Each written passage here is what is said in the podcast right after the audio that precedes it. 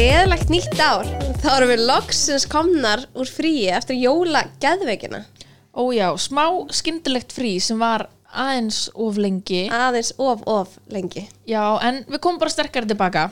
Já, En við viljum byrja þáttin okkar á að minna fólk á Instagram leikin okkar. En þar eru vörur frá Avent, LS Kitchen, 9Kids, Rekstravörum, Lúladól, Vonverslun, Dóttur og Són og Chels Farm. Þannig endilega hafi hraðar hendur til að taka þáttið eigið eftir. Því að... við loksins draugum út annað kvöld. Þannig að annað kvöld eftir þáttunum kemur út. Yes, sir. Það er spennandi af því að þetta er stór vinningur. Þannig að like, follow og kommenta við. Þá erum Já. með leiknum. En ekki nóg með það, þá ætlum við að byrja þetta með sprengju og erum komna með gest til okkar sem heilar þrjár fæðingar á baki. Vertu velkomin til hérna. Takk, takk fyrir það. Þú vilt kannski aðeins byrja á að kynna þig. Já, ég heiti Tinna og ég er 31 árs gömul og á þrjú börn og er gift og tók ketti. Á, Já, tók ég. sælar. Þannig að það er fullt hús hjá þér. Já, það er fyllt hús og um, ég er með bérskráði í ferðmálafræði en vinn sem þjónsustjóri hjá heimkaup.is og er í fæðingarólofi, eins og er. Að njóta. Já, að njóta. Æði. Er þetta þriðja og síðasta fæðingarlof? Er þetta þriðja? Og Kannski síðasta. fleiri. Að, síðasta. Er það síðasta? Kallir er búin í klippingu og allt sko. No, Já. no. Þetta var allt saman planað. Er það? Já, við erum búin. Þú vilt kannski bara byrja að segja hvenar þú varst fyrst Ólétt. Ólétt. Já, það var við ákváðum að hætta á getnaverð áramótin 2012 og ég á með svona app í símanum mínu sem heitir Period Tracker Já. mæli með því sko, þá bara stillir inn hvernig þú byrjar á túr, hvernig þú hættir og appi reknar út fyrir þig sko hvernig þú ert frjó það eru svona punktar á dögum sem þú getur orðið ólétt og svo svona blóm á deginu sem þú, þú veist, minna ekki að bara átt að verða Egglos. ólétt, já, Já. eglóstaðurinn og Og hérna, fegstu þá svona notification í síman? nei ég bara fylgdist vel með sko Ok. Þú bara, já, ég elskan. Já, við It's kallum time. þetta blómadag sko Já. Blómadag. Við vorum fyrst ekkert eitthvað að nota appið ég var aldrei að nota í þeim tilgangi og bara að fylgjast með húsblæðingunum Já. og svo hérna kom að, að ég ákvað að fara að fylgjast með og það var bara í hvað mars mánamáti mars apríl og þá segi ég við Arnór manni minn að það sé blómadagur og svo bara tveimu viku setna pissa ég á brá og þá er ég ólétt Vá. En hann kom bara fyrsti Þú veist hvernig getnaðar var. Það Já. var bara first try. Já, Já. það var bara algjörlega þannig Það er magnað. Já Og hvernig gekk svo meðgangar? Fórst í snemsónar? Já, ég fór í snemsonar og gekk bara mjög vel. Ég hef aldrei fengið morgun og gleðið neitt svo leis. Fekk ekki grindaglinun eða neitt vesinni. Ég fekk reyndar heiftalega brjóstsuða og var alveg að drepast og taka svona ómupressól, töflur og renni Já. og eitthvað. En fyrir utan það þá var þetta bara frábæri meðganga sko. Ekkert vesinn. Og hvernig var tilfinningin að fara í fyrst skipti í 12 veikna? það var bara mjög næs en ég er svona mætum hana og einhver bæklingu sem ég voru að lesa og þá stóðu eitthvað svona eitthvað tíu brústa konum missa og, og, og duli fósturlóta okkur og ég var bara mjög kvíðin síðan að fara hann inn og bara guðu kannski barnið ekki á lífi Já, eða eitthvað já. Já, þetta er svo óþægilegu tími. Já, og ég Er var bara oh my god það er bara tíu brúst líkur og þetta sé í lagi og eitthvað, fór í eitthvað panik en svo bara kom allt mjög vel út og, og ekkert mál sko Og bara, en vissuði kynið? Já, við fengum að vita í 21. sonar. Ég er mjög forvitin manneskja og, og varð að fá að vita það. Ég vissi þetta var strákur, ég var handið um það. Sagðu þau bara í sónarnum? Já, þetta var sko 2013, þá var Það ekkert var ekki svona... komin tískubylgjan. Nei, það var ekkert babysjáur eða, Nei. eða neitt, sko. Nei, nei, nei. Þannig að við fengum bara að vita í sonunum og ég var alveg vissum þetta var strákur og hún sagði það og síndi okkur þetta tippið hana og ég bara, Já. já, basic, ég vissi þetta alveg að það var strákur. Þannig að, Var hann með eitthvað tilfinningu líka eða? nei, ekki eins og ég, ég bara, ég vissi Þú að veist það. Já. fyrsta barn er strákur. Já. Strákalega awesome. Ég ætla Já. bara að segja það, sko. Herriði, ég er alveg svo öfinsjúk þegar fólk bara veit þetta. Já. Það er að vera hendi annað batt bara svo ég geti vita líka. Já. Svo bara demitt. Já. En þannig að þú gengur fulla meðgangu Já. með litla kót. Mm Næstum fulla meðgangu eða ekki. Ha, jú, ég misti vatnið, ég var komið 39 vikur og einn dag. Hvað varst að gera þegar þú misti vatni? Það var jóladagur, ég var sett hana 31. og ég einmitt kláraði prófin í háskólanum hana átjönda eitthvað, rosa hress og ég held að myndi bara poppa út stuðu til setna frá steipinum í prófunum Já, ég var komin 38 vikur, mjög hress bara og svo bara vakna ég á jóladag og var bara eitthvað, heyrðu, ég er ekki að pissi mig, ég veit að þetta er lögarnið sem er að leika og ég vissi að ég ætti að prófa að hósta því að ef þú ert að missa vatnið og hóstar Já. þá kemur meira, þú veist þannig ég settist á klósti og hóstaði og, og það lag meira og þá vissi ég bara að þetta var þetta lögarnið var ekki svona sér bíómyndunum Nei, alls ekki Þetta lag svona smátt og bara smátt pínulítið, þannig sko ég var ekkert eitthvað rennandi blöyt en hann ég hringdi bara upp á deild og þær sögðu mér bara að vera heima og koma bara um sex leitið Fannst þetta ekki skrítið eins og Sara, hún upplifði þetta líka Já. að missa vatnið og ringja og það er bara já, já, chillaði bara Jú, alveg bara fylgstu bara með og við náum í eitthvað svona app eða eitthvað og vorum að fylgjast með hríðunum og það voru bara mjög óreglulegar og ekkit, ekkit harðar þannig þannig ég mætti bara kljóðan sex upp á að það vildu staðfesta að þetta væri vatni með svona eitthvað, Já, taka þú var sýni ekki Já, bara- hvað er það? staðfest að leiða maður er bara búin að vera lekandi tímunum Já, saman. nákvæmlega En ég vissi það alveg og það var bara staðfest að vatni væri farið og það er eitthvað, heyrðu, farið bara heim og kontu aftur þegar þú ert að dreipast bara Já, og ég bara, ok, þannig að við fórum aftur heim í Hafnarfjörðinn og þetta var náttúrulega bara jóldag þannig að við fórum heim til mamma og pappa að gera svona samlokur og eitthvað og, og þá var ég bara komið mjög mikla hríðar Já. og hafði enga matalist og leið bara mjög illa og ég á bara, heyrðu, Arna, við þurfum bara að fara upp á spýðaðan núna, ég bara get ekki meir varstu hérna að koma með það harðar hér Já, ég bara, þegar það eru svona harðar þá voru tvær mínútur á milli og hver í 30 sekundur þannig Oh að my það var God. ekkert breyk og ég bara var að bugast þannig að strax og við mættum kljóða nýju og ég var búin að Og þetta ákveða nýjum kvöld Já, nýjum kvöldi Já. og ég var búin að ákveða að ég ætlaði aldrei að enda í keisara og aldrei að fá mændegingu ég ætlaði að gera þetta bara Það er annars svo sko, á ótrúlega auðvelt natural. að ákveða svona áður Já. en maður og mjög heimskulegt líka sko, Já. maður bara getur það ekki Varstu búin að eitthvað svona undirbúa þig? Varstu búin að fara okkur námskeið? Já, eða ég fór á fæðingarnámskeið Hjá nýjum mannum?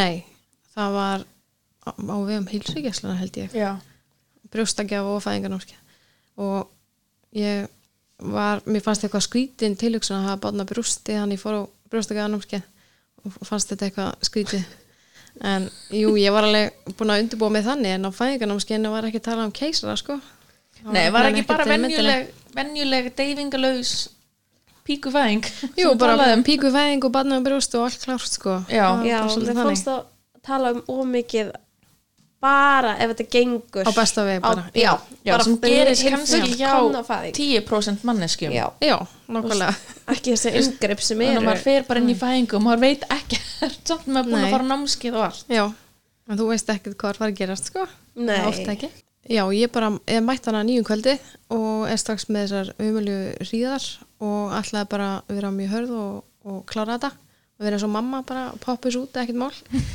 en svo um miðnætti þá er ég alveg mjög búin á því eftir þrjá klukkutíma af þessum hörðu hríðum og baði um glaðloftið sem var algjör snilt Þú varst ekki einu sinni byrjuð í glaðloftinu Nei, ég ætlaði bara ætlaði bara ekkert að fá neitt Vá, nagli En það endaði ekki, ég var ekki í nagli mikið lengur sko, en galofti var geggja, þetta var svona þess að ég var búið með fjóra, fimm bjóra og mér leiði bara ógeðslega vel, ég var bara djúið sér snild er þetta loft og var með það alveg í klukkutíma og hún var alveg, heyrðu, þú, það þarf að vera pása og þetta ekki vera með þetta bara á andlitinu sko og þetta var mjög ljúfur klukkutími en svo hætti það bara að virka og hríðunar Já. komu bara aftur og ég fann eilegt fyrir hríðunum meðan ég var með lofti en svo á endanum bara hætti það að virka Já, þá tók bara við aftur sama og ég fór í þetta bað þarna og leið bara eins og okkur um kval það var ískallt og mér leið bara umulega ofan í Þetta er svo Mm. fyndið með þetta bara Mhm. Það er sumið sem ég finnst þetta geðveikt mér varst það En umulega já, ég, fyrstu fæðingar minni mér fann þetta horbjör heima sko og, og og styrtan og styrtan að eitthvað verða aðeins lengur og okkur ég, nei, ég, þú veist, ég vill ekki vera hérna mér finnst það bara leiðilegt þannig ég fór bara upp úr og svo kljóðan þrjúum nóttina já, kannski útvikkurinn eh, sko, hún var kannski bara tveir því ég mætti hann um nýju og svo kljóðan þrjúum nóttina því ég baða mændefingu, þá var ég alveg búin að því þá var ég bara komið svona 5-6 eða eitthvað og þá Hvernig leiðir að heyra frá tvo upp í fimm Sko, ég bjóst þetta er þið hraðara ferli og Já. það varst að vera að gerast svolítið hægt þegar svona var ég bara, ok, ég ætla að fá mændeyfinguna núna út af því að ég veit ekkert hversu mikið er eftir þannig að það var bara geggjað ég, hún situr svona legg hérna í hendina fyrst og það blæðir og maðurinn minn greið þurfti að fara með hann bara fram hann að stípa og líði yfir hann ég ekki að herðið Arnum minni sjáast, ég er að fara að fá mænudeyfingu henni í baki, var þú að fá þér ristabröð og já, það hérna var bara geggja eftir ég fekk hana, þá bara lág ég hann í rúminu og leið bara rosalega vel og þú veist, þær sáu bara á mánutörnum hvernig var ríð og ég fann ekki neitt og það var bara geggja Já, Ó, næs það er líka svo gaman að fylgjast með hríðunum, maður er bara, já, ég ætti að vera Já, maður sér, deyja. já. sér tölnar bara hvað, 78, maður bara, ó, ég finn Já, ekki neitt það var geggja næs ég bara láða hana og mamma var með mér og Arnur og þau voru bara að chilla og leggja sig og ég gæti ekki sofið, þær voru eitthvað reyndi bara að sofa Varstu ekki Ég bara, nei, nei, ég er bara að fara að fæða bat sko, ég er ekki Já. að fara að sofa, ég er ekki þreytt en svo bara er ekkert að gerast þannig á milli hvað miðnættis og, og áttu morgunin, þær eru ekkert eitthvað að tjekka út ykkur að mikið svoleiðis svo hérna er að fara að koma á vaktaskipti og þá kemur fæðingarlæknir inn og tjekkar á mér og já, kannski best að taka það fram að um miðnætti þegar fyrstu vaktaskiptin eru þá tjekkar hann út ykkur og þá er ég bara með svona tvo og hún segir, æ, held hans í skakkur og svo náttúrulega fer hún bara Já, þessi ljósmann sem að kíkti. já, sem kíkti Já. fyrst Já, svo náttúrulega vaktaskipti fyrir Já, nóttina sem að var ekki gott fyrir mig því að það var síðan rosa lítið tjekkað á mér og þegar það eru aftur vaktaskipti um morguninn þá hérna e, kemur fæðingarlæknirinn og hún þá er ég komið 9,5 í útvikun ég fekk aldrei 10 því að var eitthvað brú fyrir og ég var náttúrulega ekki með neina rempingstörf og þá kom það sér vaktaskipti og kemur nýr fæðingarlæknir og hún tjekkar á mér og er bara heyrðu við erum að fara að benda í keisara og ég eitthvað ó því að hinn fæðingarlæknir sagði að hún ætlaði að ná í hérna sóklukku og eitthvað þannig að ég var mjög hissa þegar hún sagði að við erum allir Já. að fara keisara hinn en ég sagði náttúrulega bara ok, ég vildi náttúrulega bara koma honum út og hann bara var komið- klára þetta Já, hann kom með dýfur í hanslottin og svona þannig að Hann var hún þreytur. hann var náttúrulega þreyttur, Já. ég var náttúrulega gjörsamlega búin á því líka þannig að mér var bara að stróla inn en ég var með mændefingu sem að þær gáttu bara fyllt á þannig að það var ekkert mála að byrja bara Já, var, þetta var svona mænding sem við þurftu, þú veist, sprauta í. Já, og það ég er Legginn. með eitthvað svona legg fyrir og þá Já. setti það bara eitthvað annað Já, eitthvað fylla sterkara bara á. held ég, já, fylla bara á Já. og tjekka bara hvort ég sé nú dofin og svona og var það, þannig að það gott bara að byrja og það gekk bara mjög vel í rauninni, þú veist og bara komin út 20 myndið setna Eftir þú úrst kerðin í keisara. Já, ég náttúrulega var dofin og bara byrjaði að skera strax sko. Varstu það mikið dofin? Já, ég náttúrulega, þessi deyfing virkar fárulega vel á mig, hún á að vera eitthvað next tíma að fara úr þú veist, tala um eitthvað svona fjóra tíma en ég var dofin sko langt fram eftir kvöldi sko eftir að hann kom, Jé. mér leiði svo illa mér leiði, mann er náttúrulega bara lamaður mér finnst það mjög óþægilegt en ég en þetta var samt ekkit eitthvað frábært ég var hákar átandan á borðinu og hríðskalv og alveg líka með búin á því og ég líka Já. andlega sko en, þetta er náttúrulega svaka yngripp Þetta er já, þetta. er- þannig að skiljanlega að ná taugarnir manni mhm. en hann fæðist þannig kláðan 10.11 um morgunin ekki mittiltíð 11 10.11 já, já. eh, eins og ég var ekki viss og hann var bara bláru og líflaus þegar hann fættist þegar þannig að slá hann til og svona hjálp honum og svo bara fekk hann fullt úr stegi eftir það hann var bara hress Já. Þannig að hann kemst ekki út út af maður skakkur. Já, hann var skakkur og í framhöfustöðu og ég náttúrulega ekki með neina rempingstörf því að hann var bara alveg byggfastur Já. þannig að, en hann var bara basically bara flatur upp að brunni Já. já, hann var ekkert að fara að koma út sko nei, En var þá kerstin með þér í keisaranum? Já, hann var fekk mér alveg að þú varst, þau þurftu ekki að preppa neitt. eða? um, Hann þurfti bara að fara í svona föt og eitthvað og fekk bara að koma strax inn sko Ok. þannig að það var gott ég að búin að fá mændi Já. annars hefði ég verið svæð sko Já, a- akkurat. Já, þannig að það var, það En var mjög hvernig var gott tilfinningin þá þegar hann kemur út? Af því hann grætur ekki. og ég náttúrulega vissi ekki að hann var að koma út þegar hann kom út, þú finnur ekki þú, já, þú varst alveg svona dofin Já. Sem er finna þrýst. þú finnur alveg hnóðið sko Já. en þau náttúrulega halda strax áfram að hnóðast í þér og byrja Já, að og byrja loka að loka þær og og, gera og allt. þurrkaði með tusku eða einhverju, þú veist, dýfa einhverju inn í þig og eitthvað, þannig að ég og hann Arnór náttúrulega stendur og er að fylgjast með og er bara eitthvað, hann er komin út en hann er ekki að gráta en þetta var ekkit langu tími og svo Nei. og segi það strax bara þú stil ham og allt er góðu og okkar þegar hann er byrjað að anda og það er líka mjög algengt eftir vennilega fæðinga líka að börnin andi ekki strax það þarf ofta Já. að hjálpa þeim og svona það Þannig var að ég- eins að hrista þau til Já, þannig að ég var ekkert með ágjörð, ég er henni vissi ekki fyrir eftir á hann hafði, þegar ég var að lesa skýsluna sko. þú er náttúrulega Já. bara búin að fara á námskeið og veist bara að barni kemur út og það er alltaf Já, allt í góðu og... Já. En Vá, hvað er hvað, geggjað. hvað, hvað, hvenær færð þú að sjá hann? Ég er henni bara öruglega tvö myndum eftir að hann fæðist eitthvað, þá kemur hann bara til okkar og er bara hjá okkur. Og... Bara að hausnum svona, þegar vera já, laga þig já laga þig, Já, það var að lóka mér lókar já, og hvernig var tilfinningin? Sko- þú veist hérna eftir svona átök Ég var, fekk ekki þessa móðurilegu sterku tilfinningu fyrir en eftir ég kom heim. Ég var í tvo sólhringa eftir að fættist á spítalunum og maður minn sá bara um að klæða hann, Já. sitja á blei og allt þetta og ég lá bara hana eins og ég veit ekki hvað sko, alveg búin að því. Svo bara þegar ég kom heim þá var ég alveg, já, hérna er þetta bad sem ég elska meir en allt en á spítalunum var ég bara gott að hvað. kallarnir taki fyrstu mómentin þegar þessi svarti kúkur kemur og Hann sá bara um þetta sko. já, þú veist, Já. þegar maður er að jafna sér til fæðingu þá er þetta svona síðasta sem maður vill vera að standa í sko. Já, nákvæmlega.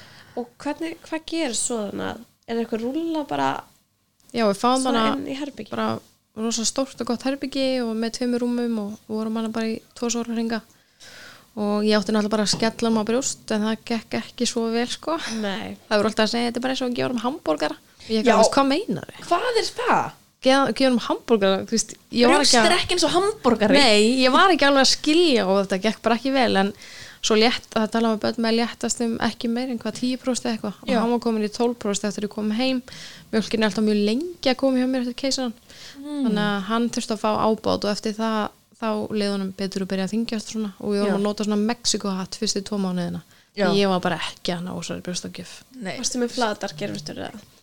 nei, Nei, ég Það er var bara bara, erfitt að gera ég var bara hamborgara. óörug já, ég kunni ekki að gefa bandinu hambúrgara ég bara, þú veist, var bara óörug Já, það var bara það í rauninni en svo þegar maður tveggja mánu var ég, ég man eftir, ég var að horfa að bróða mig keppa í frjálsum og ég var að vera á sein, þetta er 60 metra Já. hlaup sem eru nokkra sekundur og ég var hann á klósetti og þú veist alltaf að bleita hattinn og koma hann má og ég var bara, ó, ég ætla, ætla að gera þetta, tróða hann má og hann tóka strax, ég hefði Já. getað gert þetta með fyrir það bara vantaði upp á öryggið Öryggið, Já. já, Og ég það var man- bara komið strax. það var stress að taka Mexikohattin með mm að ég var bara svo stressað að gleyma hann setja hann Já. Mhm. ekki í skiptitöskuna eða eitthvað þú veist, þess vegna hætti ég með hann þá er bara Já. heimurinn farin sko. já, Já. þá gæti hún ekki þá, þú veist, ef við varum ekki þar Einmitt. gæti hún ekki fengið sér maður er Mhm. svo krakka. háður honum já, og líka á nóttinu honum að vakna út að hann var að léttast þá þurftu alltaf að steilla klukku og veginn og þryggjutum og fresti Já. þá fór Arnó fram og bleitti hattinn og þú kom hann má og þetta var alveg svaka Þetta er svaka ótrúlega mikið vinna. ferli. já, tókanlega en sko hvernig leið þér svona fyrstu dagana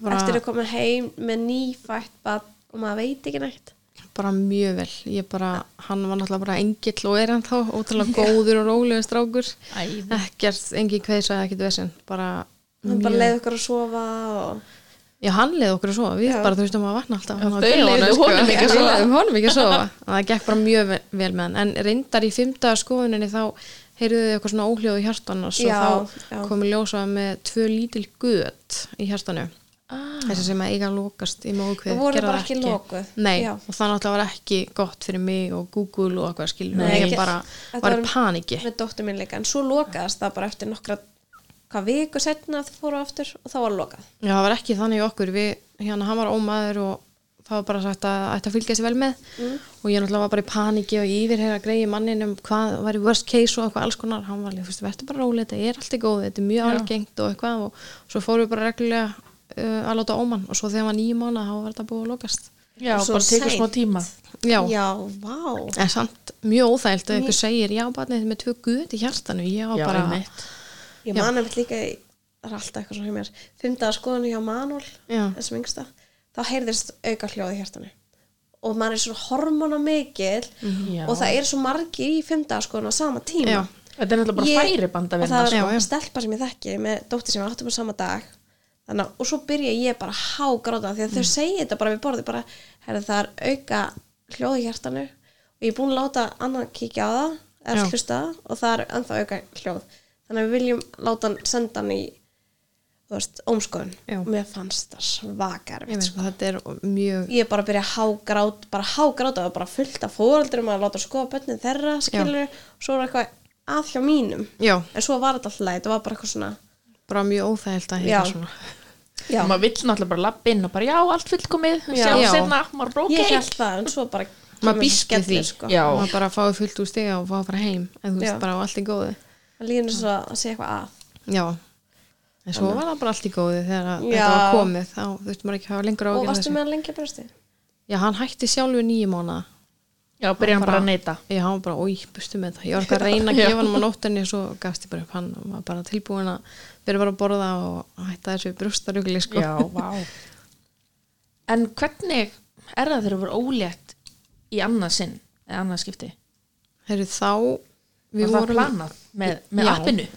Já, þau voru alls svona plönuð, sko. Þú er svolítið eins og Excel-skjál. Já, pabbi minn kallaði alltaf XS-skjali sko, þannig að hérna um, það var á einsás ammálina hans í veslunni þegar við fórum eitthvað að ræða batnegnir allir hann hefur borðuð og ég var eitthvað að segja ég veit ekki hvenar rétti tíminn, við viljum hafa stutt á milli en ég er samt ekki viskilur hvenar er besti tíminn við vorum bæði í námi og, Já. og þá tækur svona á námslánum og þá var ein sem sagði bara þið gerir þetta bara núna, það er langt best að eiga bara börn á meðan maður er í námi, bara klára þetta það er bara, ég mæli með því og við rættum þetta bara um kvöldi og ákvaðum að það væri bara best að græja þetta strax Bara rífið það á þessu plástur Já. Hvað með barninni minn núna? Nákvæmlega og svo bara sé ég hvernig næsti blómadagur er svo var það bara hann í lók janúar hann afmæli hann 27. des í lók janúar pissaði ég próf og er bara árun ólétt í fyrsti tilraun Oh my god! Þú ert greinlega mjög frjó. Já. Þið tvö saman, sko. Já, þess vegna er hann líka búin í klippingu núna því við vildum þrjú en ekki fleiri Já, það var svo bara- auðvelt fyrir okkur þannig að sem var Dream náttúrulega team geggjað. saman í þessu sko Já,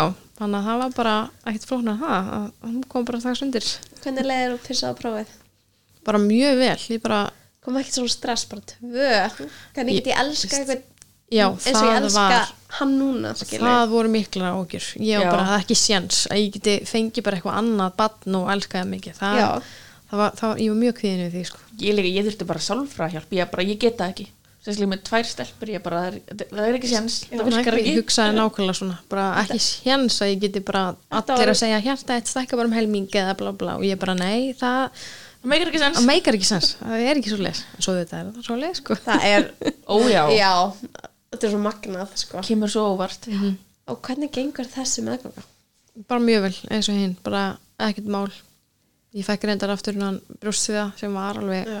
sæðilur að sitja, nei hérna að sofa sitjandi og okkur hana í Já. lókin Já, En- og, með, og með kúluna já með kúluna, mjög Þetta sé, óþægilegt að manni sé gert þetta Ég alveg nei Og svo bara vilja maður þetta aftur og aftur En vissuðu kyni þá líka í setna sig skipti já þá ákvaðum við að- að mjög erfitt fyrir mig, ég er svo ógeðslega fóröldum manneskja, við ákvaðum að fá í, mi- á, í, á miða Oh my God. hvort kynna það væri og þá fórum við nýju mánuði þegar komið sko 17 vikur Já, minnum mig, ég er ruggs alls saman allavega við fengum, fengum miða og nei, það var í 20 hennar sonar menn ég held að það var ekki komið þessi 70 hennar sonar hjá nýjum mánum þarna þá- núna gerum við það og fengum miðan og búin að ákveða að fara að panta svona köku Já. og ég labba inn og- með miðan og réttin miðan og ég eitthvað allar ekki að kíkja og láta mér svo fá meðan, hún er eitthvað, nei, þú farið ekkert meðan hún sá bara á mig hvað ég fór út hún er eitthvað, þú bara sækir kökun á meðan í dag og ég bara, demmit fyrir aftur inn í bíl Já. og segja Arnar út og hann alltaf bara ógeðslega ánaður og hlóa þessi því Já. að hann vissi að ég hefði ekki, ég hefði kíkt á meðan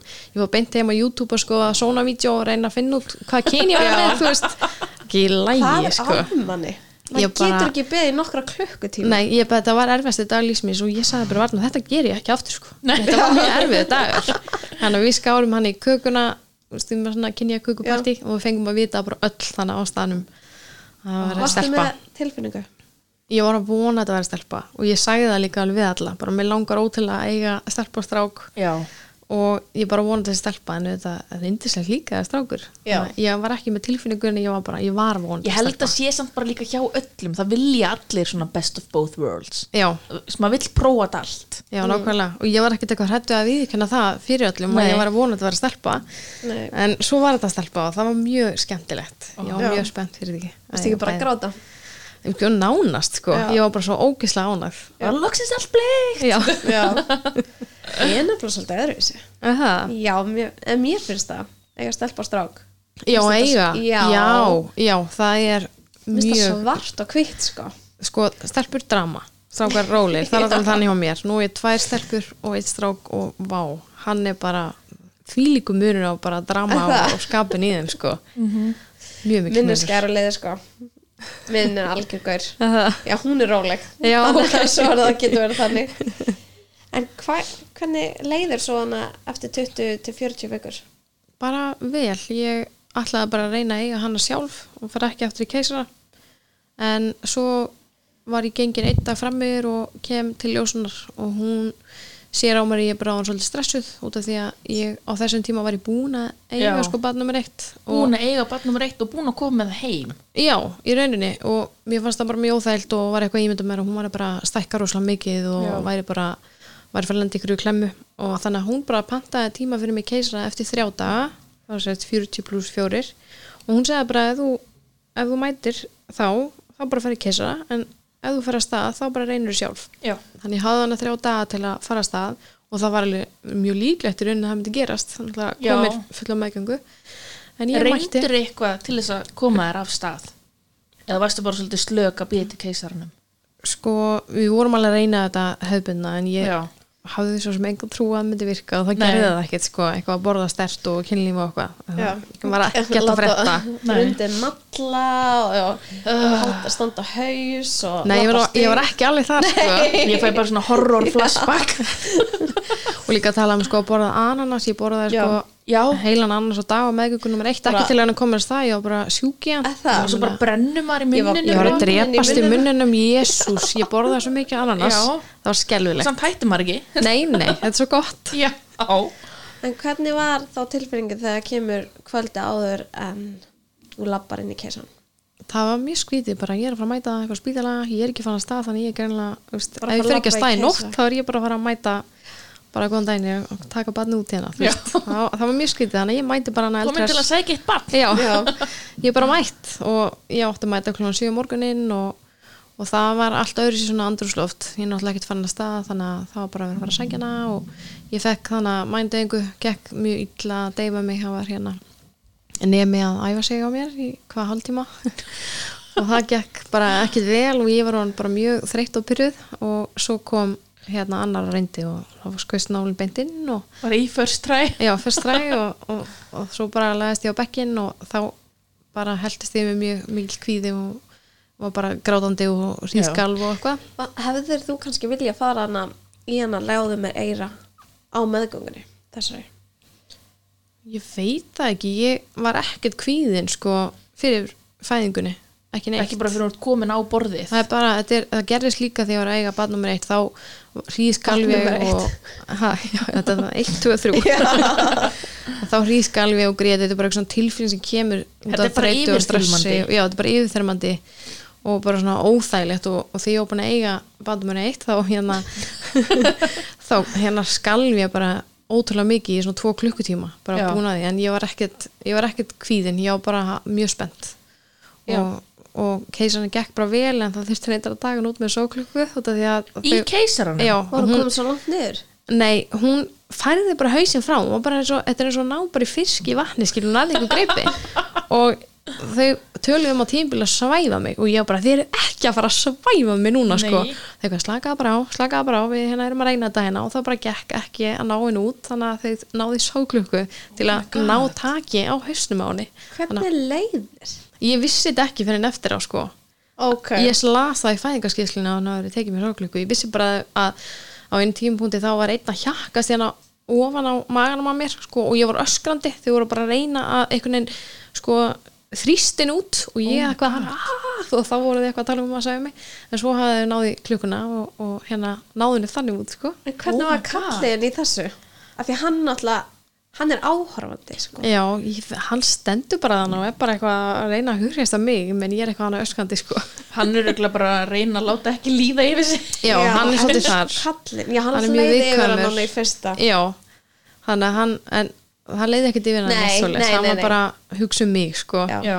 en svo bara fæðist hún og er bara pollur óleg og, og er, kemur til mín og þá fann ég strax þess að yfir þyrmandi tilfinningu og Já. ég elska þess að manneski minnin allt ég er ok, hjarta mitt bara töfaldast það er bara þannig en svo fannst þeim hún vera ofur óleg þannig að þeir fóru með hann á vökudeildina og hún var þar alveg í klukkutíma eða eitthvað en hún var bara chilluð, það var ekkert að henni en þau Mm. Hún var voru bara bara slök. slök, hún var bara geðvett slök bara Bara vildi ekki koma. en bara leið vel í maður Já. leið bara mjög vel og svo var hún bara ekkert að gráta eða neitt, hún var bara, þeim fannst hún eitthvað að kvenka sér og það var mjög erfitt að þeir tók hana og hann Já. var bara, Arnó var að fara á milli með myndir og eitthvað timmin Æ. með svo leiðilegt að hún hafi verið tekin því að þú veist það var sérna ekkert að henni Já. Já. þannig að ég þurfti að býða hana og vöknunar herbygginu og, og, var bara eitthvað ein menna, Bara ekki með barnið já, þitt. já, bara, ó, þú veist, og ég vissi ekkert hvort það væri eitthvað aðinni Já, var, eitthvað, var ekkert upplýsingaflæði nei, hann var Oh. bara nema eitthvað hann, hann var Já. hlaup á milli og hann vissi heldur ekki neitt, hann var bara, já, við erum bara eitthvað að býða og ég vissi ekkert hvort það væri eitthvað alvarlegt að eða ekki en svo bara komið með hana og sagði bara hann hefði bara verið, verið svona róleg sko, hóll róleg yfir sér saman Og er það karakter í dag? nei, Nei ekki svoleið sko En hvernig gengur þá hann að hvart er lengi upp á spítala? það eru tveir sólhringar aftur og sumir finnst ekki að fara heim en ég er alltaf bara mjög kvíðin út af, Út á brjóstakjöfunni? Nei, út af því að maður er bara svo ógeðslega tjónaður og það er bara svo þægilegt að vera hann upp á spítala með þær til taks og eitthvað þetta er, þú veist, eftir keisar nummer eitt þá var ég frika brött bara en eftir tvö þá var þetta að ég veit það ekki, þetta er alltaf stór aðgerð maður er Já. verkjaður, þú fær morfín og töflur og líka þú ferð heim þá færðu bara tvær svona morfín töflur sem þú Já, með tekur þér. og svo er það bara búið þá er það bara íbúfinn og eitthvað og þetta er bara ókslega bara vott og virkar ekkert Nei og ef maður er eitthvað að drepast þá getur bara hringt bjallin bara hefur mjög, mjög illt núna og þá fekk ég auka líf og svona Já. en þú veist það er mísið hvað Já. konur finna til eftir þetta en ég var alveg bara uh, mjög vond ég get alveg ímyndað mér að þetta sé bara eins og að verða fyrir lest eða Já, eitthvað og þetta er þannig svolítið ertu bara fullkomlega hraust lappar inn í bara eitthvað risa aðgerð og, þú veist, Já, það, það tekir bara... bann með sóklík úr magan Já, og það bara öll hólf opnuð og tjókuð Já. upp og, og svo hérna Tjóppiðu Já, ég bara Elskaðu Elsku það Tjóppiðu en svo ég reyndar er ekki heftuð eftir keisana þannig að það er svolítið mikið dúllir ég að sauma mig saman ég er með mikið nikkilóna mig og þá sleppaði að hefta Ah, þannig að ég það er alltaf svona 40 mínútur eða eitthvað ég veit það ekki, 30-40 þannig að þú fær mínútur kannski sauma. meira eftirlit líka þá eða Nei, alls ekki bara sauma betur það er hérna í stalagi er þá bara saumar og vel, það er alltaf bara heftað en þá sleppi ég ekki að við hefta tökuna ég get ekki ímynda mér það sé þægilegt að láta taka heft úr Ó nei, ég get En ekki Þú ert með ímyndað mér. fagleg líka já, fagleg þangað til bara deyfingi fyrir úr já, og svo er alltaf markmiðið að á deginu sem barni fæðist átt að standa upp Já. það er ekki Ógæslega erfitt það er ekki auðvelt sko þá átt að fara að pissa sjálfur og það er alltaf mjög erfitt að líka bara hósta og hnerra og svona já, svona eina, tvær vikur sem þetta er bara mjög erfitt mjög sást God. Ah.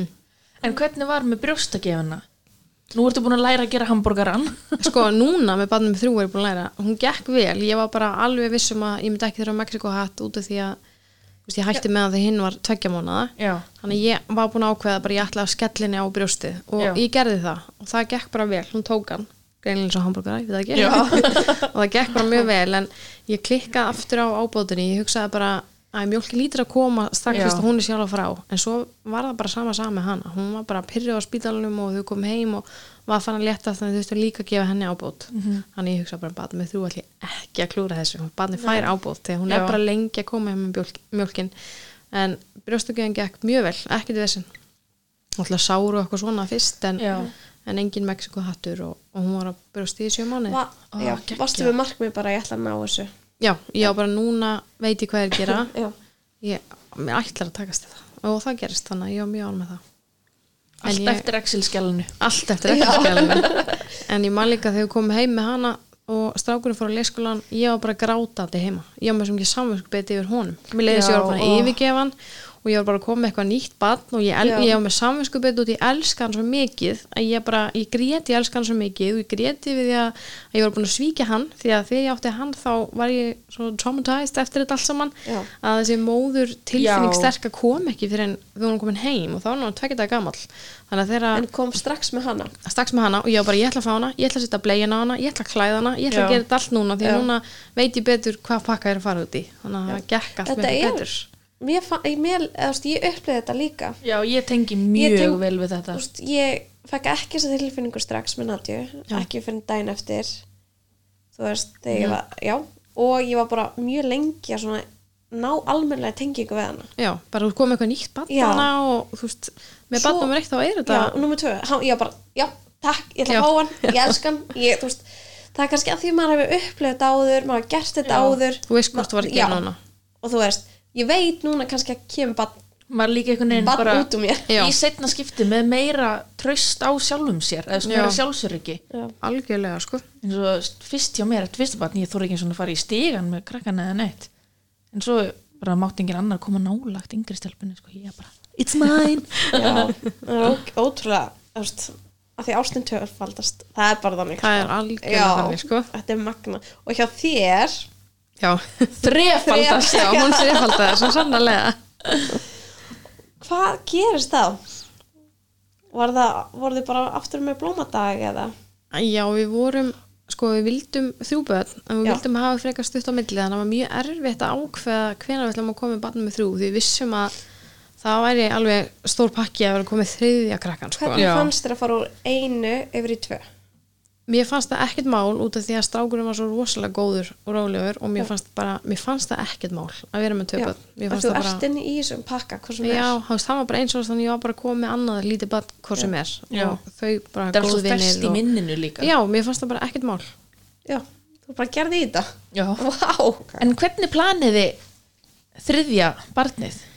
Heri, já, það var svolítið erfitt sko því að við ætlum að hafa stöðt á milli og við vissum ekki hvað væri rauninni best ætlum Nei. við að hafa fimm ár eða þrjú ár en við vildum klára svona semi-ung Já. geta að vera að leika okkur svona fært við Njóta? og ferðast og njóta og eitthvað og hérna, en svo veikist pappi minn árið 2015 og hérna hann deyr 2017 og þá Æi. var planið upprýðlega að fara kannski að drífi þessu þá en svo náttúrulega breytir þetta stöðinni Já. og þegar hann deyr þá um, segi ég bara við Arnur að ég vil bara aðeins þú veist, bíða með þetta og hann bara Já. já, við þetta og, hvað, og við vissum ekki alveg hvað er best að gera og, og kom bara svolítið dimmur tími í mínu lífi, ég á bara þunglind og svo einu og hálfu ári eftir að hann lést þá er ég bara orðin mjög þunglind og fætti læknir svo fæ ég bara þunglindslíf og var Mhm. bara ekkert alveg í þessum barnægna gýr en við vorum Þú stötu ert líka áður þarna í áfalli með tvö lítil börn. já, Ég, ég, þetta var bara... bara svo, ég, ég get ekki ímynda mér, sko. Já, þetta var bara umlega tími og í rauninni í staðan fyrir að fara niður og svo aftur upp þá fór ég bara meira og meira og meira niður Já. en í nýjum mánum eftir að hann lést þá sögðu við að við ætlum að eignast badd þá Já. en svo hérna þannig að ég hætt við hættum að nota getnaverð en voru samt ekkert að stunda mikið kynlíf í fyrsta lega þessum tíma og ég var heldur ekkert að fylgjast með appinu og vorum ekkert beint að reyna og svo leið mér bara það illa að ég sagði bara við hann herði ég ætla bara að fara til læknir sem var þungliðsleif kom mér á góðan stað og svo bara tölum við um þetta seinna og sama dag og ég fyrir til læknir sem fæ lif þá átti ég að byrja á túr og tek fyrst í töfluna fyrir vinnuna og er svo bara, herði, ég átti að byrja á túr í dag ég ætla að kaupa próf og hérna fer í smálindinni hátæðinu pissa prófi bara hana í básnum smálindinni og Ástu þá kemur með bara- tilfinninguna. Sko, já og nei, ég náttúrulega hugsaði bara, ok, ég meina, ég heldur við hefum gert það einu sinni þennan mánu, sko, ég var bara ekki, það var, við vorum ekki að reyna, þó svo Nei. við vorum búin að ákveða mögulega eignar spann, þá hættu við við og eins og ég segi, kynlífa var ekki ofan á listanum Nei. þessar vikuna eða mánuðina, sko, þannig ég heldur við hefum gert það einu sinni og þannig að ég, við ætlum bara að byrja að nota getnaverðin aftur og ég pissa á þetta próf og það kom bara jákvætt, sko Oh my god. þannig að hún bara kom undir ég held að hafi verið eitt skipti í þetta eina skipti hún ætlaði bara að koma þannig að hefði þá verið blómadagur eða ég var allan að frjóparna Oh my god, sko. þannig að hún var bara komin undir og ég náttúrulega bara, oh my god, ég var náttúrulega ánað skiljuru, þannig Já. að hún í rauninni kom í staðan fyrir þungriðisleifin, ég ertu bara hægt á þeim strax Já, Þannig ég tók einu töflu, náði heilli töflu og sendi á lækni bara, herði, það er smá vandamál, getur þú hringt í mig? Sama dag ringir hann bara, hvað segirðu? Einhver miklu aukaverkanu strax eða ég bara, herði, ég er ólétt. Hann bara, já, það er nú oft þannig að, að konur kannski vera óléttar eftir, eftir ykkur tíma, kannski ekki alveg sama dag. Þannig að við þurfum ekkert að pæla í þessu og bara sleppi livjónum. Já. Og bara hérna, svo bara, hann ferði bara til sálfræðings Já. og tekur þann póluna á þetta. Og ég gerði það bara og Gerði það á meðgöngunni. Já, þá hérna ætlaði hann að senda mér svona ham meðferð minnum að heitir Já. hugrann Já. atvöldis meðferð sem áttu að Já. vera svona hóptímar sex skipti en stutt eftir að ég verði ólétt þá var maður minn búin að plana þessu præs þrítus ámáli fyrir mig og hann planaði það nokkrum dögum áður en að ég kemst að ég er ólétt Æi. þannig að því ég segi náma ég er ólétt þá er hann búin að plana þetta svakapartí og svo bara mæta það er allar heimti mín með náttúrulega te tequila og freyðvín og alls konar og hann var bara með plana og búin að kaupa svona hérna summersby áfengisleysan og ætla að blanda svona áfengisleysa bólu fyrir mig og eitthvað og ég var bara Arnór, það er engin hérna að fara að taka því að ég sé ekki að vera að staupa þú veist, ég Já, er djamma einmitt. þá fer ég ólinn Já. ég er ekki að fara að feik djamman í bæ það Nei. er bara ekki að fara að gerast Já. og þannig er ég komin, þú veist ég var ekki sem búin í snemsonar ég var bara nýbúin að komast að það fyrir ólétti og komur kannski 5-6 vikur Já. og ég tengda pappi var akkur þannig að sækja börnin til að fara að passa þau og tengda mamma var þannig og mamma vi- var eina sem vissi þetta og, ég, og þannig voru kannski voru 17 stelpur eða eitthvað og ég bað bara um smá hljóð og tilkynnti öllum hana að ég var ólétt því ég var ekki að fara fake jamma þannig Já, að þú það var bara ekki að fara að gerast ekki byrla mér, ég er ólétt Þannig að ég var bara, herði, ég ætla bara að láta ykkur vita því að ég hérna er ólétt þannig að ég er ekki að jamma í kvöld en skemmta sér Já, það Já. var mjög skemmtilegt þannig að við endum bara á svona mjög rólegu spjallkvöldi hana nokkrar tala um börn og barnegnir þannig að það er það var alltaf bara eina sem kemst í hausin á manni Já. á, þegar maður er ólítur Jó, já, það er ég bara var ekki að börn fara og bagn, Já, barneignir bara við bara tölum um það og þetta var mjög skemmtilegt kvöld en Já. öðruvísi heldur en að en Ekki alveg átti eins og að vera. planið var. Nei, en það fór, fór mjög vel, það var mjög gaman og hver, fór því svo í snemsonar Já, svo fórum við snemsum bara nokkur dögum setna og þá sátt bara hérsláttur og, og lítil, lítil bön sko hvernig leið kallininn þegar hann sagði þú sagði, já, ég er bara ólétt Hann hugsaði bara, fokk, það er partí þetta nokkra daga hann var ekkert að bara meðtaka þetta hann var strax búin að vera laumupúkast með þetta partí og hann var bara eitthvað, shit bara nei, þetta er búið að skemma allt partí, nei, hann var, hann var náttúrulega bara mjög ánæður sko. og hvernig var samt að vera ólétt með tvö önnuböld það var bara það var bara gaman ég var reyndar alveg mjög þreytt og náttúrulega búin að vera þunglind og þreytt og svona Já. og, og leiði ekkert eitthvað rosalega vel en bara með máninum byrjaði mér að liða betur en mér liði alltaf vel gagast banninu sko, þó að Já. ég væri kannski ekki 100% sko þannig ég var bara en þú mjög ert, ert náttúrulega bara með almennt þunglindi fyrir þú ert ekkert með þetta fæðingar þunglindi Nei. eða neitt svoleiðis Nei, ekkert svolítið sko bara svona, þetta var í rauninni bara þunglindi sem þróaðast út frá sorg sko og Einmitt. tengdist börnunum ekki neitt sko þannig að það var kannski meira verið bara bara gleði sem fylgdi meðgöngunni Já, hún í rauninni bara bjargaði mér sko Já. ég þurfti ekki þunglindisif ég bara, var bara ólétt og, og spennt sko já, og hugsaði bara ok, nú er bara nýtt upphaf ég er bara verð að taka mig á já. Ó, bara og geggja fó, fengu að viti í hvað, 17 vekna Já, þá fórum við í nýju mánuði því að koma 70 vikur og ég ætlaði ekki að fara heim með miða, ég vildi fá að vita í sonunum, ég var ég var alveg mjög fórutinn en ég var mjög til í bæði kynin, ég átti stelp og strák og mér var alveg- alveg sama hvort það var en ég held ég var með strák sko, ég var alveg bara út af Með sterka tilfinningu. mamma, já, mamma egnaði strák, stelpu strák og ég held að ég er bara eins Já. alveg sem ég var með strák og svo bara hérna voru í sónunum og ég var eitthvað að ég, ég, ég veit ekki hvort það er en ég vorkenni stráknum mínum ef þetta er stelpa, ég veit ekki akkur en ég hugsaði bara hann er með eitthvað tvær stelpur á heimilinu og fannst ekki negin ef þetta voru strákur þá er það skemmtilega fyrir hann, ég veit ekki akkur og svo var með alveg- samansku byrði Já, mö- ég veit ekki akkur ég á með samanskvít akkvart honum en ekki henni Einmitt. eða ekki systur Já. en það er kannski bara út af því að ég þekki að bara eiga stráka Já. og, og hérna, nei, bræður og svo segir hún já, það getur nú þá bara verið að hann fari í fílu því að þetta er stelpa ég, ha, það er mjög hissa og, og er spennt, það varst það mjög gaman já. líka bara geta nýtt af elvinni Já, Þú veist, Hérna, hún er nýtt á milli. Já, algjörlega, ég er alveg með þetta flokkaði kössum alveg 0, 3, 3, Já. 6, 9 alveg bara allt saman flokkað en þú hefði samt hvað sem við geta nýtt bæði Já, ég hefði getað það já, það hefði ekki það er skipt ekki máli þægilegt þegar maður á bæði maður bara, að það kemur bara hvað Svona- kassan á ég að sækja Já. bara þannig og svona ákveðin ró yfir manni já. en þið farið svo í 20 vekna já, og þá vistu þið allt síndum þér þá, þú veist, kinnfærin já þá Hvernig- fengið það bara staðfest og þessar þrjá línur þannig sem Já. síndum þér það já, já, ég var samt alveg bara erstu alveg já, viss já. en jú, jú, það fór ekkert á milli mála það var stelpa og allt bara fullkomið já, og svo keftu við bara svona blöðru í partibúinu og vorum með svona kynjapartí en þá vissum við kynið en Já. ekki hinnir en vistu bönnin nei, þau fengið að sprengja blöðruna oh. og þetta var hann að vonast þetta bróður og hún eftir Já. stelpan, Já. hérna. það er ekki hægt að- það er ekki hægt að lýsa öllum Nei, og svo strákurinn alveg, en, en á morgun er þetta þá strákur? Æ. Nei, Óli með því miður, þetta er stelpa. Æ.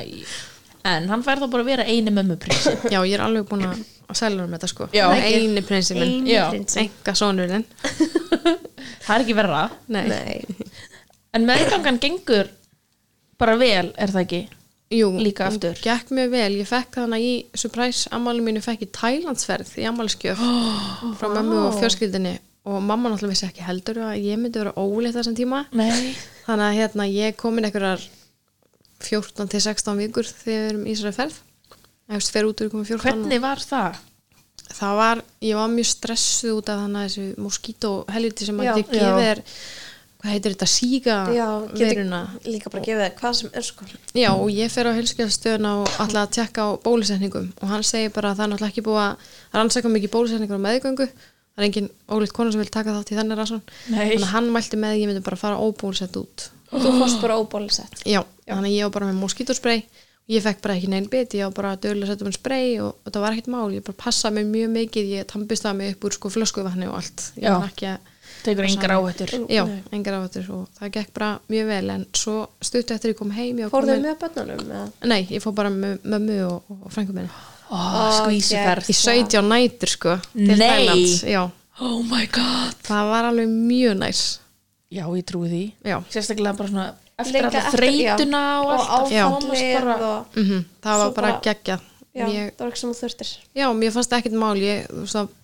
pappin er náttúrulega alveg frábær pappi og, og hérna var bara með krakkana ég hafði engar ágjur að þeim sko. Nei það gekk bara mjög vel hjá þeim og, en svo stutti eftir ég kem heim þá fæ ég smá grindaglirun mm. þannig að ég minkaði bara við mig í vinnu aðeins og það gekk bara vel hún versnaði ekki neitt, hún var bara svona steddi og var Já. ekkert eitthvað skelvileg en ég fann alveg smá fyrir henni og svo bara brjóstsviðin en, en ekkert, ekkert annað Alltaf brjósviðin helst brjóstsviðin sko. Já. já, ókjaf sem er bara Sérstaklega ef maður er að venjur. hakki í sig ananas Já, já, já maður gerir sér svo illt með að geta allt Ég þetta veit drast það. sem að gefa manni brjóstu og svo segir sem að ég faði bara mjölkuglas Nei, mjölkuglas virkar ekki Nei, og ekkert af ekki þessum sóta vatn húsraðum sko mér fann samt virka sko sótavatt sem heitir sótavatt frá Egil's já, sem er Og það- sótavatn ekki Þú veist, sem er ekki svo bara- mikið svona salt í og eitthvað Já. Mér fannst það virka ekki svona með bræði Nei, þú veist, ekki, þetta þetta bara heitir sótavatt Það var maður hvíta með honum já, ég veit hvað þú talum Já. um. ég prófaði það mitt sko því það er sótavatn en ekki bara Ekki bara kolsýrt vatn já, ekki kólsist vatn nákvæmlega en, það virkaði ekki Hvað gerur en að hitt, ertu að hitta fæðingalækni allan tíman á meðgöngunni eða bara í lok til Nei. að ákvæða stöðuna þá bara fæ ég að tala við fængalækni því ég komið 28 vikur Já. og svo þegar ég komið 30 eitthvað þá fer ég upp á spítala til að fá tíma Já. og þá fekk ég bara vita að hún mun koma 23. júli Þá var í ég- keisara Já, og þá var ég komið 39 vikur og fjóru daga en ef ég myndi fara fyrir stað þá myndi ég bara fara í Fræðingu Nei, bráða Nei. keisara bara að en keisara inn að mættur gæsla ekki prófa fæðingu að því þú er búin með tvo keisara sko ég myndi rúglega að þurfa að byggja alveg sérstaklega um það, það er ekki mælt með því sko Nei. út af því að hann alltaf búið að skýra mig tvisra upp og, Já. og meiri sko eða aukin áhætta á alls konar vesinni sko. Já. þannig að þú vissir bara að þú varst ólétt að þú væri að fara að keisara já, ég vissi það, þetta var eina meðgangar sem ég vissi að barnin kemur kessar Já. og hvernig leiði með það mér fannst það bara fínt, ég vildi ekki reyna sjálf Nei. í þriða skipti, ég vissi bara að ég væri bara keisaramamma, þó svo Já. ég uppræðanlega plani var að fara aldrei keisara því ég horf eitt mann að hvað keisara vídeo en samt sem áður hugsaði ég alltaf án ég og mamma að það væri aldrei að fara að koma batn út um mér, ég hugsaði bara Já. ekki séns, svo var, gerðist það ég bara endaði keisara Já. þó svo ég hef ekki alltaf mér það Já. og ekki um deyfingu eða neitt nei, enga Svo fyrir- þetta er deyfingu svo ekkert sko. steikt. vesens Já, ég hugsa þetta líka og svo bæði bönni mín deyfingabann sko þú veist, eitt hangabann og Já. eitt venjulegt Það ætlaði ekki að Venjulegt. plana tangafæðingu sko. Nei. Maður hugsaði ekki, já ég ætlaði að já, tangafæðingu væri gaman að pröfa það Nei. en svo líka finnst mér bara mega bara ekki of mikið pæla hvað maður vill og hvað maður vill ekki í fæðingu Nei. Nei, Eða þú ég veist- veist maður þurfa að fara með svolítið opnum huga Já, bara, maður bara- til þess að verða ekki fyrir vondbreyðum já, Mhm. af því að allt getur gerst þú hefur enga st- Nei. stjórn þetta er svona eina skipti í lífinu sem þú hefur bara enga stjórn yfir líkan maður sko. Já, ég hugsaði líka með fyrsta barn og bráðkissan ef þetta hefði verið fyrir 500 árum hvað hefði þá gerst? Þá hefði annarkvort okkar dáið að bæði jábel Já. Þú veist, hann var ekki að fara að koma út þannig að ég, ég er mjög þakklátt fyrir keisuna mína Já, Svo- eins og með hann, Já. þetta bjargaði hann bara hann var Eignast slappur þegar hann kom fullkomlega Mm. Já. fullkomnan dreng og ef sem það þú hefði sagðir. ekki verið vaktaskiptið og hefði prófað sóklökunna þá veit ég ekki heldur hvernig það hefði farið því Einmitt. hann var svo þreyttur sko þegar hann kom sérstaklega líka ef hann er skakkur og með höfuðið upp, Já. Þú veist Þannig að ég var bara mjög þakklátt Já. fyrir keisarana. og þú ert ekkert búin að upplega minni fæðingu heldur en Nei, hver annars guð, nei, Nei, já, alls þú ekki. veist, maður En má hvernig ekki var það pæla í þegar þú þessu. fóst í þriðja keisaran? Var það, styrir þetta ekki alltaf mismunandi? Jú, ég er raunin var best stemd núna en mest kvíðin, sko, ég hef engar á að gera badninu, það Nei. er í rauninni ekki mikil áhætt að fyrir badna fæða sem að keisara, það er alltaf meira fyrir mömmun að fara í Já. það aðgerð þannig ég hef engar á að gera í, í rauninni af henni en þessi keisari aðgerðin gekk vel, en síðan hérna er hún að sömmi saman og það er eitthvað nefnaninni, eins og alltaf upp á spítala Classic. og, classic, og þau eru eitthvað að tala saman og hún segir því sem er tyggjóleg Ha? og ég er bara eitthvað, hvað er hún að segja og ekki að það hlusta, hún vissi ekkert ég var að hlusta og svo lokar hún mér og segir þetta hafa bara gengið mjög vel og eitthvað og ég eitthvað, já ok, en hvað er samt hyggjuleg? Hún fyrir eitthvað að hlæja, bara já segir að hérna, núna var ég búin að fara í þrjá keisara og Já.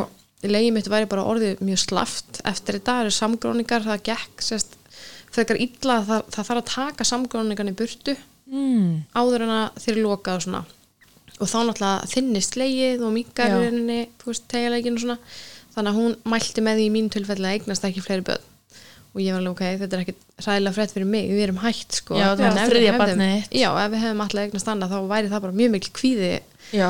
að hvernig það myndi fara sko því að bataferli núna var bara hræðilegt þegar hún Já. var komin út í og bara ég ætla aldrei að gera þetta aftur sko bara Fækstu hræðilegt svona kvíða aftur þegar þú lag- lagðist á borðið Nei, ég fór ekki að gráta, ég skalf ekki en í miðri aðgerð þá hérna byrjaði mér að líða mér illa þá fæk ég svona blóðþrýstingsfall sem er frekar algengt í keisa Ah. og mér leiði eins og ég var að fá hjartáfall ég hef ekki fengið hjartáfall en mér leiði eins og það gæti verið svona Já. bara svona ógíslega þingsli fyrir brjóstunum og ég Oh. átti erut með að anda og hún var búin að vara mig við að þetta gæti gerst og þá sitaði bara eitthvað að lifi í, í aðalegin og, Já. og til að þú veist þetta voru svona fimm mínútur og ég bara með þvóttaboka á andlitinu og, og leiði mjög illa og svo bara gekk það yfir Shit. og, en hún fæðist og hún grætur Já, hún var brjáluð Er þegar það? hún kom út. Já. Ég setti einmitt inn á vídeo að henni fæðast inn á Instagram með hæglaðt sjá mér út af því að ég baði um leiði til þess að fá að taka upp sko. að það Já, og þegar hún er tekin út þau hlóalega henni og hún var í rosalega reið og allan tíman með að vera að loka mér sko. Hún fæðist á fyrsta degi ljónsins, hún var algjör ljón. Úlala. Hún var brjáluð. Hún bara öskaði grænið allan tíman þannig að þau hafði yngra ágjörn og mjög spræk. Já, ekki svo mjög sýstir hress. sín mjög Nei, chillu Mjög chilluð, hún, hún var bara brjáluð. og fækst hana við hausinn Já, hún var hjá okkur allan Já. tíman hún var bara hérna á mér og svo bara setti henni strax á brjóst og gekk bara mjög vel og ég gaf henni ábót á spítalunum þegar ég sá Já, að var búin að læra þetta? já, bara hún fær ábót þannig að Arnók að gefa henni í sprautu og svona og henni fannst ekki ekki þannig að hún, Þannig að hún það var er ekkert bara- að léttast neitt og Nei. mikið Ó, æði. Já. hún Hún var hefur bara bara sött Og bara svöng þegar hún Já. fættist. Já. hún var svöng sko með bílanslega sókþörf en vill samt ekki duttu en þá ég er ennþá að reyna sko Oh my god. hugslað þrjósk en tóku hinn dödu já, fyrsti tók strax duttu númer tvö, hún var svona fjóra mánuð þegar hún var að fara að taka hana en nú er þetta gerpa að verða sex mánuð hún er ekki ennþá bæði bönni mín tóku ekki snuð ég Óþolandi. þakklátt í dag að þurfa ekki að vennja af þessu sko ég mun re- halda hún að reyna sko, þannig að hún var að tekja Já. svo var fyrir að ég ætla að Ég vinna segi þetta bara do it, þetta er bara mest lifesavers. Ég já, veit. algjörlega, ég ætla ekki að gefast upp Ó nei. en og uh, þú veist, fækstu eitthvað sár með hana já, ég fekk sá sko, það var smá óþægilegt að sita hana á og svona en það gekk bara yfir það er henni gerist líka mönnum og tvö en eða vest núna Hún er En fórstu ekkert í- svakalega sáþörf. Búst ekki í hattin eða neitt samt núna? Nei, ekkert svoleiðis. Ég var bara með eitthvað frá Medela, eitthvað svona glær, svona sílikón púði eða eitthvað sem hún setur á Já. til að kæla. Já, ég var það eru líka. búðarnir okkar. Já, þeir eru geggjaðir Já, Geggjaðir. þeir voru alveg að hjálpa, sko. Já. setja á yfir og hafa og það þau er í svo þægilegt að geima á ískap og setja það á og vera bara að bera ofan Já, ó, þetta er Og svo leyfa gott svona aðeins að- algjörlega. en hvernig var að fara heim með þriðja bad tvö bönn heima með keisaraskurð sárbrjóst Sko, ég elskaði hana meira en lífið sjálft og hún fættist. Alveg bara svona, ég Já. var búin að læra þetta betur með hverju barninu. Já. bara því hún kom, ég bara, vá, ég elskaði hana svo mikið, ég var bara að springa. Já. En mér leið ekki vel út af því að ég var bara svo tjónuð eftir þetta. Ég, Já. daginn eftir hún fæðist og verið með það á spítalunum þá var ég bara, ég var með rúglega svona sengu kvennagrátur þá, ég bara Já. grét og grét og grét og grét og ég heyrði ykkur á tvær ljósu tala saman, svo koma til mín og bara já þú gæti mögulega, þú veist, fara heim í kvöld það er náttúrulega vilja alltaf losna við mann til Já. að fá plássið Já. og ég var bara, ég er ekki að fara heim í kvöld ég ætla að nýta mér þessar tvo sólulengar sem ég hef ég Já. er bara ekki tilbúin til að fara heim og ég var bara ógeðslega verkið, mér leið bara mjög illa og var bara eins og hafði trukkur kertið við mig sko og líka nýbúið að segja við það og sér með tyggjóleg í öllum hormón Já, nákvæmlega tyggjóleg En svo fórum við heim náttúrulega þegar voru liðinir tveir sólhringar og það var bara var bara frábært sko en ég var alveg í góða törfi ykkur mjög tjónuð og bara Já.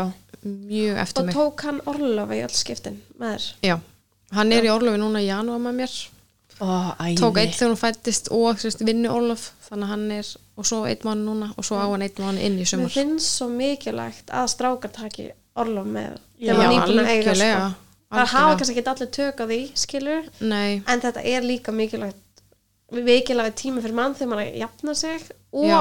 fyrir þá að Já, fá að vera með það gleymist líka bara svo oft að mamman þarf virkilega kvíld eftir þetta og mikið vatn mhm, mikið vatn sko. Mikið vatn, já. bara þengi gott að maður búi í Íslandi Já. sko.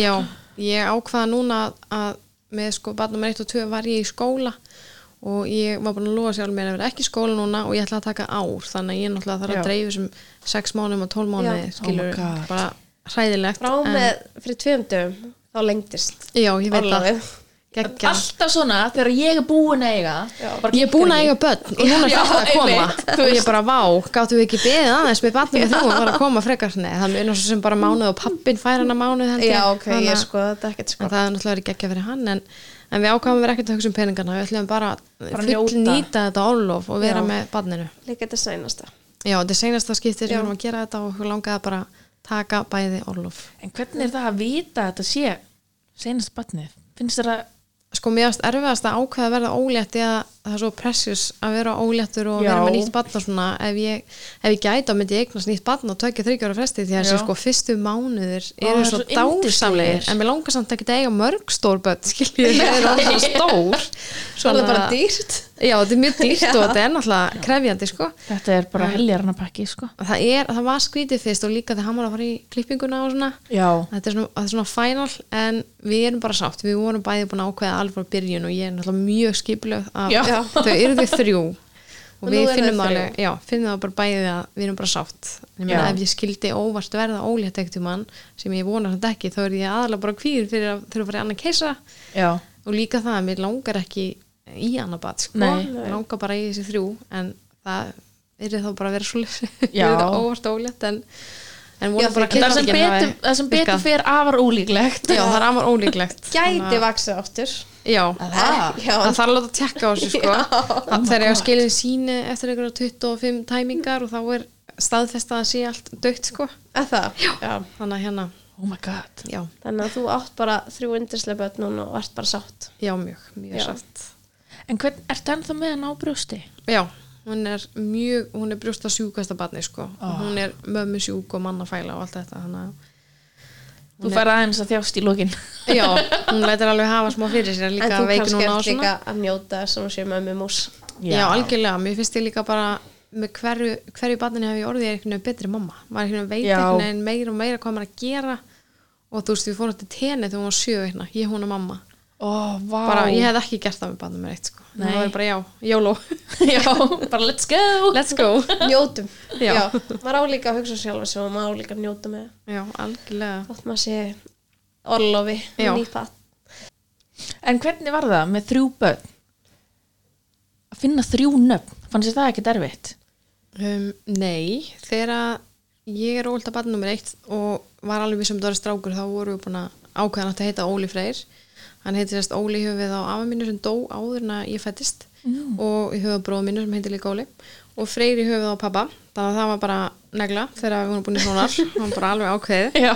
en við heldum Og hann var alveg sáttum með það, maðurinn? Já, hann var mjög sáttum með þetta nafn og þannig að hérna, við heldum nöfnum hans alltaf leindum hún í skýrninni og hann var sko Já. ní, níu daga gammal þegar við skýrum að við gátum ekki beðið Ó, ég skil það og saman. hann var en mjög var gaman það ekkert erfitt ég var ennþá svo Jú, líka eftir keisan, ég veit ekki hvað vorum að spá Nei. ég, bara, ég gat ekki beðið og þannig að við bara græðum þetta og, og fengum alveg hjálp og svona og svo með barnum við tvö þá langaði mig að skýra í huga mömmu, hún er Elín og Kara er í rauninni bara út í bláin sem að Arnór fekk að, að velja en hún hefði átt að velja, nei, heita Elín Kara eða Elín Þóra, mamma hans heiti Þóra Já.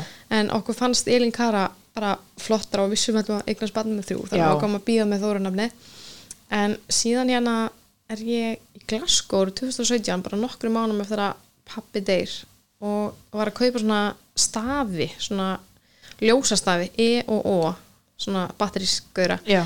og frænka mín sendi mér á messenger bara eitthvað, hei, gaman að fylgjast með ykkur en ég var bara að senda á því að hérna, ef að þú eignast eitt mann annað bann, þá skal ég hundur heita að fá ekki hérna nafn sem byrja á L, út af því að pappi minn elskar hljóset sem heitir Elo og það er mér sem Elo merki á legstænum hjá honum, þannig að já, bara, oh my god, já, geggjað og sendi mér þetta, þannig að Já. ef að við eignast annað barn þá verður bara barnið að fá nafn sem byrja á L og hann var stannast að geggi hugmynd og við hérna, svo því ég var orðin ólétt þá þurftum við að fara að byrja að skoða nöfn Já. og við vissum bara að nafnið þurfti að byrja á L til þess Já. að ná þessu og sem betur fyrir að senda mér þetta ég hefði aldrei fattað þetta Nei, og þannig að annars hefði þurft bara að breyta nafninu. Já, þurfti að gera það og við fórum bara að skoða og þetta var einu eina nafnið sem að byrjar á all sem að okkur fannst flott og Þóra er í höfuð á tengdamömmu þannig að Lea var fyrir valinu og þá eru bönni mín Elo Princess Vá, Leia. já. Ó já, við erum auðvitað að horfa að starfa svona sko. Já. Geðveikt gaman. Það er bara æðis, ég er sko Já. ennþá með gæsa. Já, að líka, já, f- mikið pælinga baku þetta sko. já, það var mjög gaman að skýrina þessu nafni En og hvernig var að segja, þú veist, þetta var í höfuð eins og þeir segja Lea Þóra, þá tengda mamma ég bara, oh my god Já, ég var með smá ræðu í skýrinu og sagði þessa sögu áður en við sögðu nafnið Oh. og hérna sem ég er fyrir mig, mér er mjög erfitt að hérna tala svona fyrir fram á fólk þó ég tala mjög mikið í síma minn í stóri og svona en þá fannst mér mjög óþægilega að tala fyrir fram á fólk þó sé bara fjölskyldum mín en ég var bara, ég ætla að gera þetta Já. en ég sagði sögun á baki nafni áður en við sögðum það og við eiginlega plötuðum teitamömmu til að halda á henni þú veist, á þess að segja henni það. ég var bara, að getur þú hans tekið hana, ég er að fara Ah. að segja henni smá og þá held hún á henni mennum sögðu nafni og hún bjóst enga með við þessu sko Æ, Þannig að það ég var sko, mjög- ég bara mjög var að gaman. Já. grenja. Þetta er Þannig að það var, ótrúlega þetta var alveg skemmtilegast núna að skýra hana þessu og hún heitir bara bara Lea út af, út af frænka mér sendi mér Já, þetta, pældu þessa því. hugmynd þannig að ég hef búin að kaupa svona stað fyrir hana og, og Ó. það var mjög skemmtilega pælingar Og þetta er Vilkomin magnað. trílógia. já. Já. Hvernig heldur að tilfinningi verði þegar þú voru seinasta skipti með litlu á brjósti? það Þá er, er þetta seinasta skipti bara. það er ótrúlega Ever. skrítið já, ever, Já. eiginlega það er mjög skrítið, ég er alveg að njóta í botna, hún sé svo mikið brjóstatalpa og Já. ég er alveg vonið að ná kannski árið eða eitthvað, Já. en ég meina hinn tvö hættu bara nýjumána og sjömána, bara Já. burtu En- með þetta Kannski er það öðru að þú ert í ás orlofi. Já, mögulega og líka þetta hún er brjóstasjúkustæðin Já. og bara elskar brjóstið sín þannig að það Þú- gengur mjög vel en, Einn daginn er örugglega eftir að þurfa að rífa þig af henni bara þegar þú fær nóg. Já, Sex ég vona að sé frekar hannig Já En Jú, það ég, er- ég hefði viljað ná, þú veist við náum ári ég hefði viljað ná svona einu hálf ég hefði Já. viljað vera að hætta með hann eftir svona tvo mánu Já, Þú verður við hennar þegar hún er tíu ára. Þú færði ekki að hætta, þetta er síðast að skipti. Já Þetta er svo magna, mér finnst bara brjóstökju magnu já, þetta er alveg magnað og líka bara sjá það þingjast og svona bara og það maður að gefa þeim brjóst mér finnst Já. það geðveitt, ég er mjög ánað að þessi brjóst að ganga svona sjúklega vel sko. Já. 7, 9, 13. Já, Sara Já, on En jokes. eigum við ekki bara að loka svo bara Mhm. takk æðislega fyrir að koma til hérna já, takk fyrir að fá mig og Geggjaðar ef þið viljið sögur. kíkja á Instagram-vendinu og það er Tinna Freys Freysdóttir yes. og við ætlum aftur að minna á gjafaleikin að því við draugum út annað kvöld Ó já, það verður ekki ekki. Þanga til. næst